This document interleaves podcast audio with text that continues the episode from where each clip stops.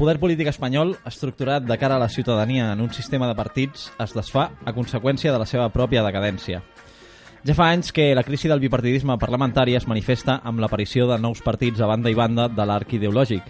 La irrupció de Ciutadans i UPyD fa uns anys, coincident en el temps amb propostes com Escons en Blanc o el Partit Pirata, ens feia pensar que si des dels sectors de la dreta tenien clar com treure rèdit de la crisi de confiança ciutadana cap a l'establishment, l'esquerra no estava madura per articular propostes electorals amb cap i peus i programes complets.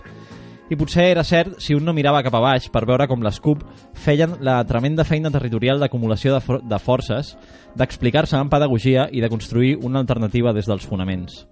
Durant i després del 15M, el crit de no ens representen al·ludia a la manca de confiança en els dirigents i, per extensió, també a una necessitat de democràcia directa, de no voler ser representat, de reclamar el poder i la participació. Aquest sentir va ser en un primer estadi un obstacle per crear un instrument polític que dins de les normes del joc esdevingués una eina per dibuixar un nou marc.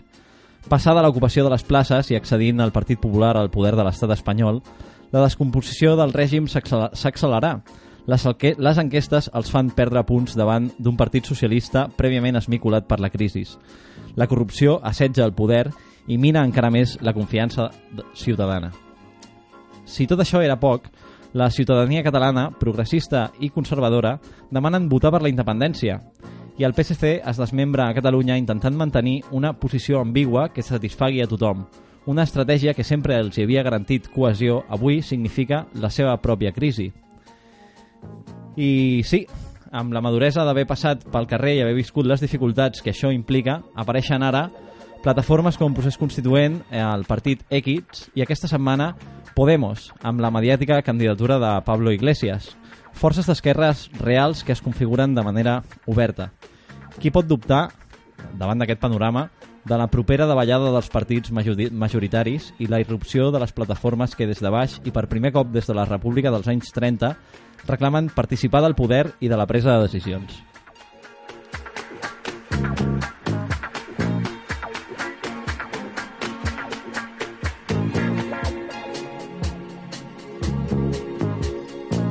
Eh, propiese.